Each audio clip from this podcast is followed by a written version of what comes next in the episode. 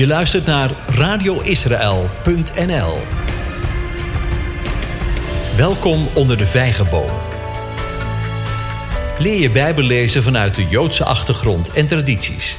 Leer Jezus kennen als de Joodse Messias. Je gastvrouw en leraar is Debbie van Galen, hier op radioisrael.nl. Shalom, fijn dat je er weer bij bent. We hebben vandaag um, deze QA-uitzending van Onder de Vijgenboom uh, vragen via een andere, uh, ander kanaal gekregen. Naar aanleiding van de Bijbelstudie van vorige week, De Eenheid van God, deel 1.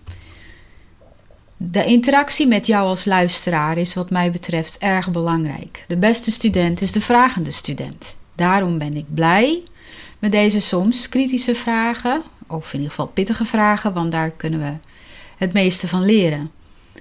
Ik heb er hier een aantal voor me liggen, dus om in deze uitzending te beantwoorden. Tussendoor zullen we ook even een moment nemen om alles weer te laten bezinken onder het luisteren naar wat muziek.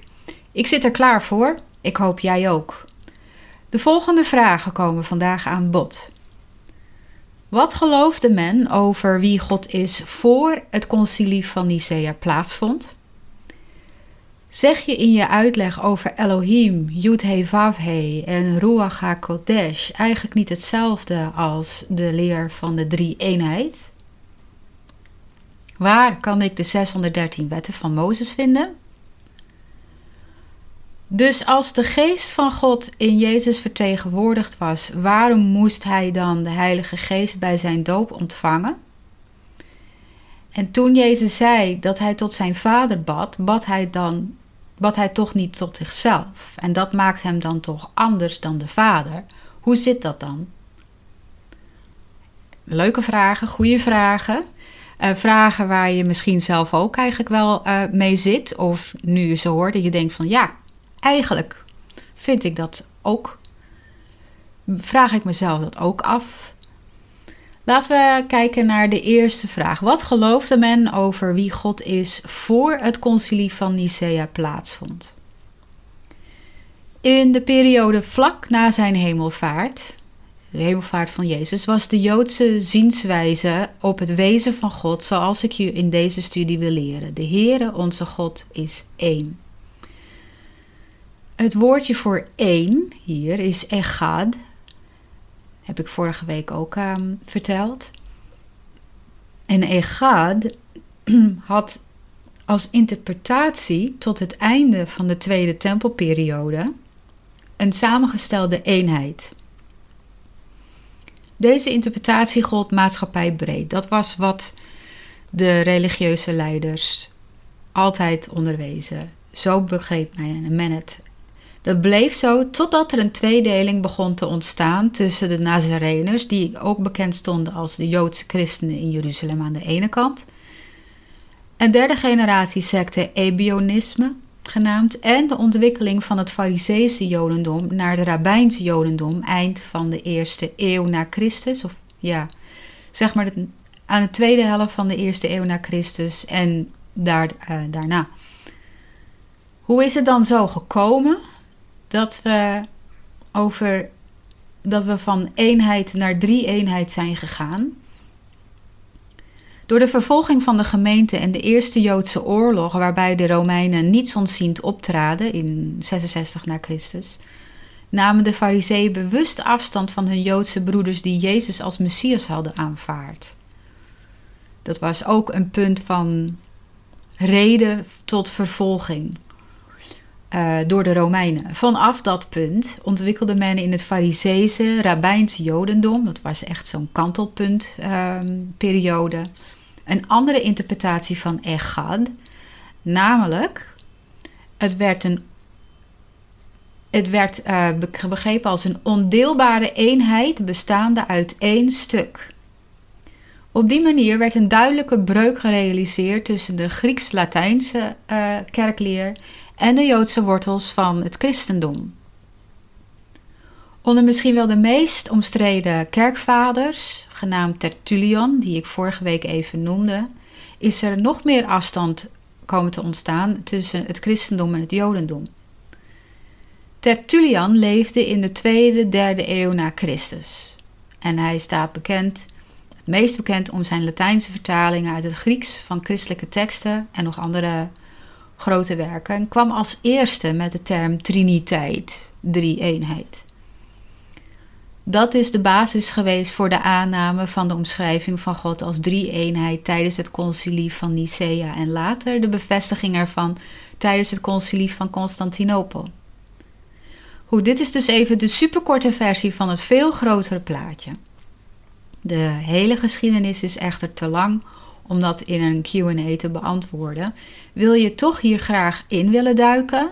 Dan raad ik van harte het boek Nazarene Jewish Christianity aan, geschreven door Ray, R-A-Y, middel, um, uh, middeninitiaal uh, A, en dan Prits van zijn achternaam, P van Peter, R van Richard, I van Tine, nee, I van Inge, T van Tine, Z van Zeger.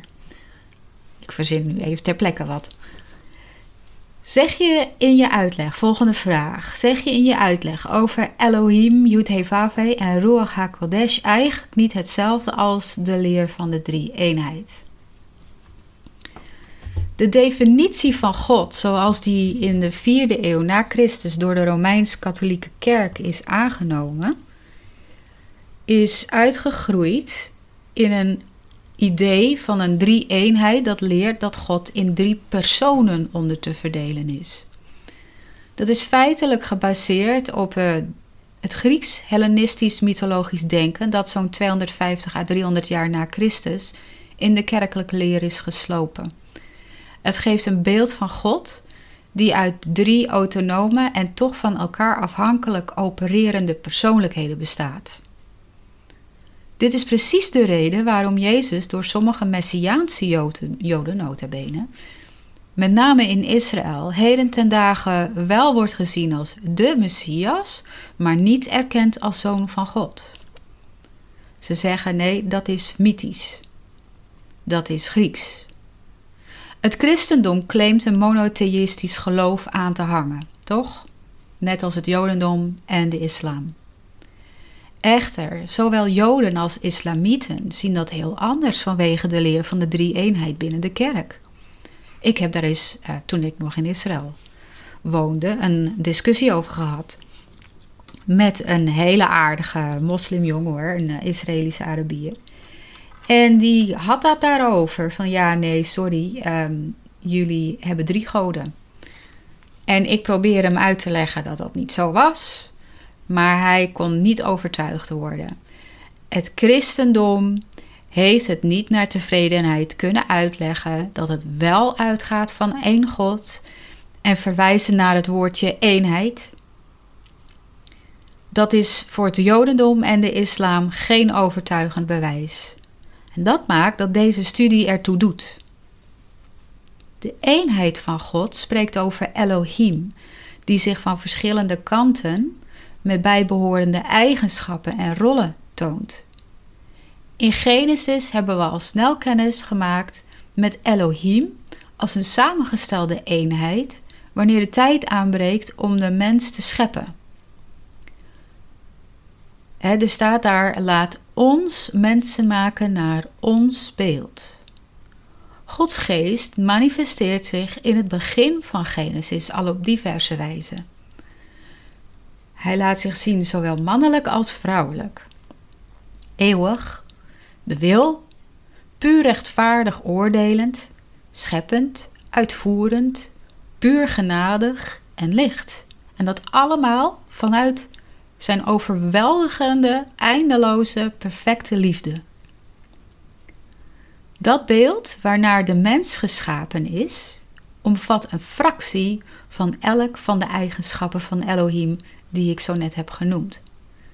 En dan met name dus mannelijk en vrouwelijk. In de uitzending van volgende week zullen we onder andere Jezus meer zijn plek geven in dit geheel om het beeld compleet te maken. Al met al spreek ik dus niet meer over Elohim als drie eenheid, maar als eenheid waarvanuit we Hem van verschillende kanten zien met El, Yud He en de Heilige Geest, uh, Ruach HaKodesh, als de vaakst genoemden in de Bijbel. Vaakst, genoemde kanten dus. Tegelijk heb ik niet de pretentie dat ik in staat ben om met exact de juiste woorden uitleg te geven. Hoe je het ook went of keert, God, Elohim, blijft een enigma. Het grootst bewaarde raadsel, mysterie van het universum. Er is slechts één die de ogen van ons hart kan openen. De sluier kan oplichten om ons in staat te stellen te zien in het geestelijke wat moeilijk met woorden kan worden uitgedrukt. Dat is mijn gebed voor jou, dat dat, dat, dat zal gebeuren. In aansluiting daarop gaan we luisteren naar het volgende nummer. Schijn met uw licht in ons hart, Heer. Dat hier, denk ik, mooi op aansluit. Laat het voor jezelf ook meteen een gebed zijn met betrekking tot deze studie. Na dit lied nog een paar vragen, onder andere waar vinden we de 613 wetten van Mozes?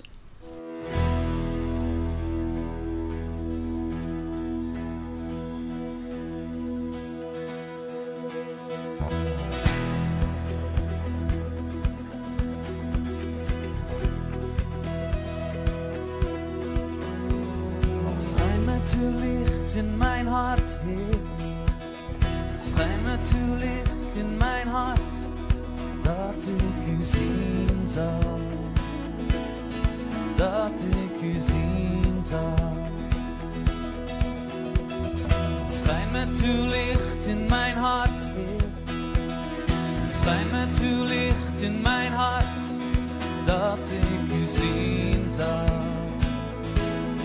Dat ik u zien zal.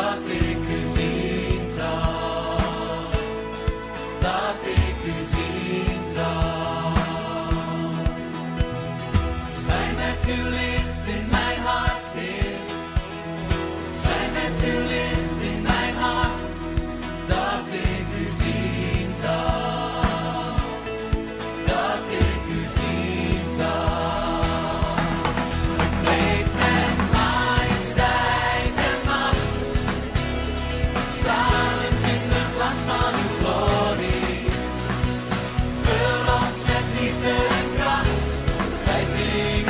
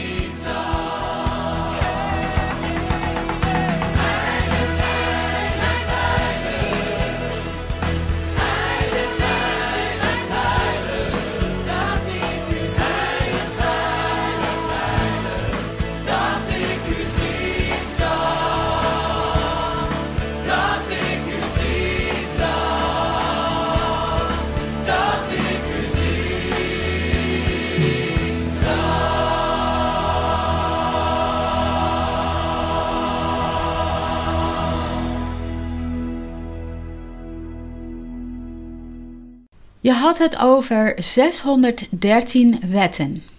Ik ken alleen de 10 geboden. Waar in de Bijbel kan ik de 613 wetten van Mozes vinden?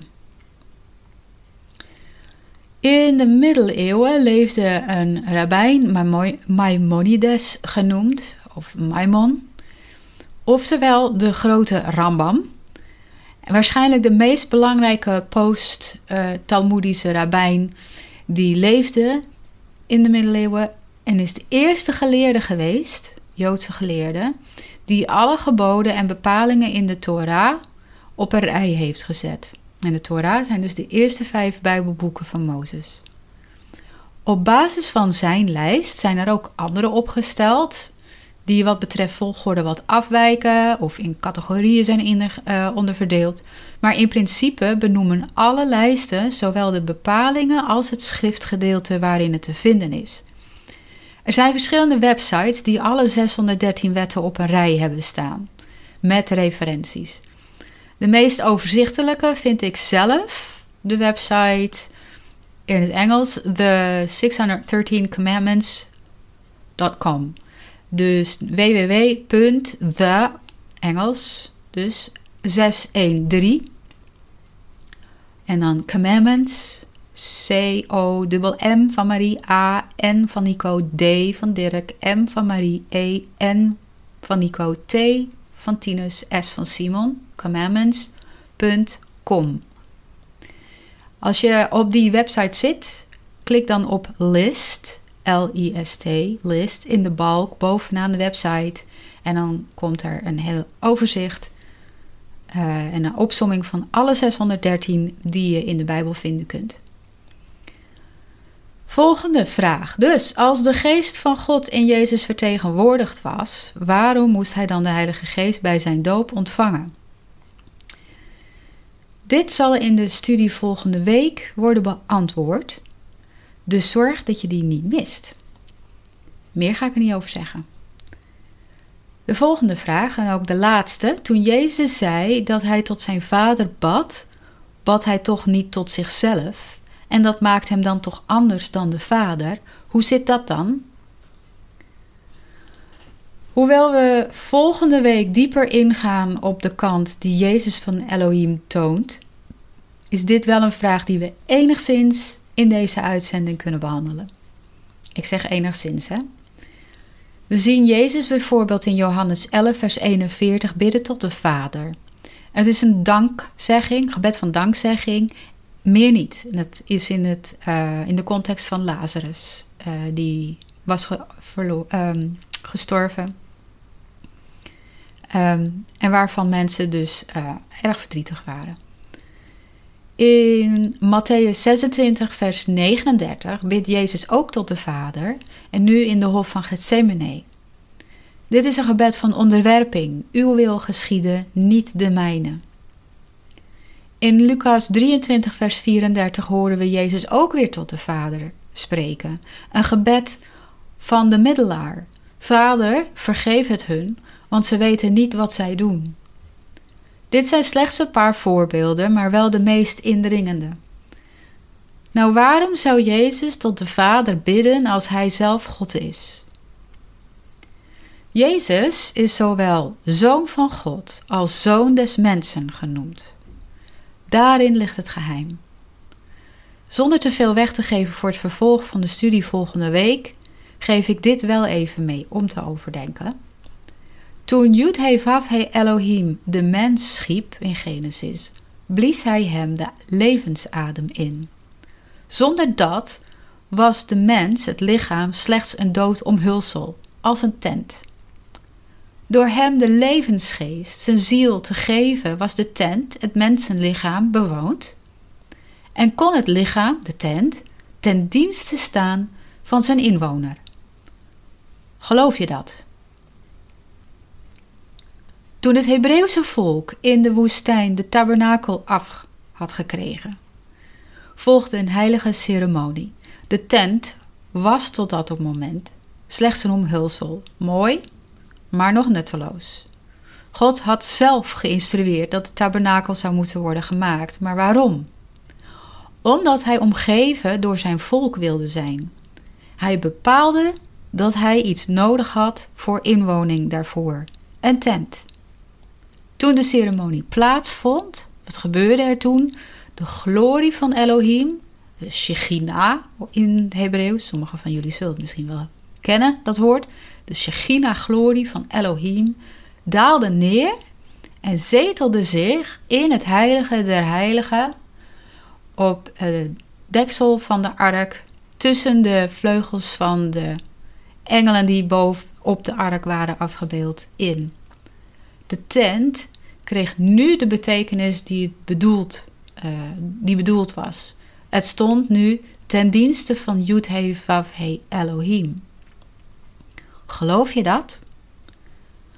Als je op beide vragen ja hebt geantwoord, dan heb ik nog een vraag voor je.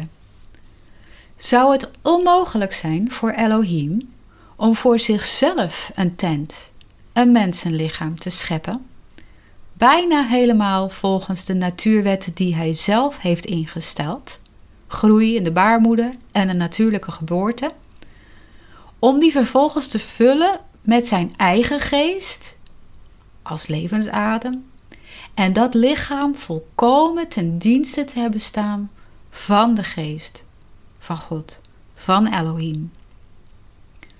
De mensen om hem heen zagen alleen de buitenkant, de zoon des mensen. Hij bestond uit vlees en bloed, zoals wij allemaal. Van binnen echter is hij de zoon van God. Waarom zoon van God? Dat leg ik volgende week uit. Net als waarom hij dan tot de Vader bad. Beetje vals misschien, hè? Maar ik kan er echt verder niet veel meer over zeggen. Dat gaat echt volgende week gebeuren in de studie. Voorlopig hoop ik dat je even genoeg hebt aan wat je in deze uitzending hebt geleerd. Hiermee zijn we aan het einde gekomen van deze eerste QA van de serie De Eenheid van God. Dankjewel voor je vragen. Vragen stellen behoort tot de meest effectieve manieren van leren. Blijf ze dus stellen. Volgende week deel 2 van deze studie. Ik hoop dat je dan ook weer van de partij bent. Mijn naam is Debbie van Galen. Je hebt geluisterd naar een QA-uitzending van het Bijbelstudieprogramma Onder de Vijgenboom hier op radioisrael.nl. God zegen en vrede voor jou en lied rood.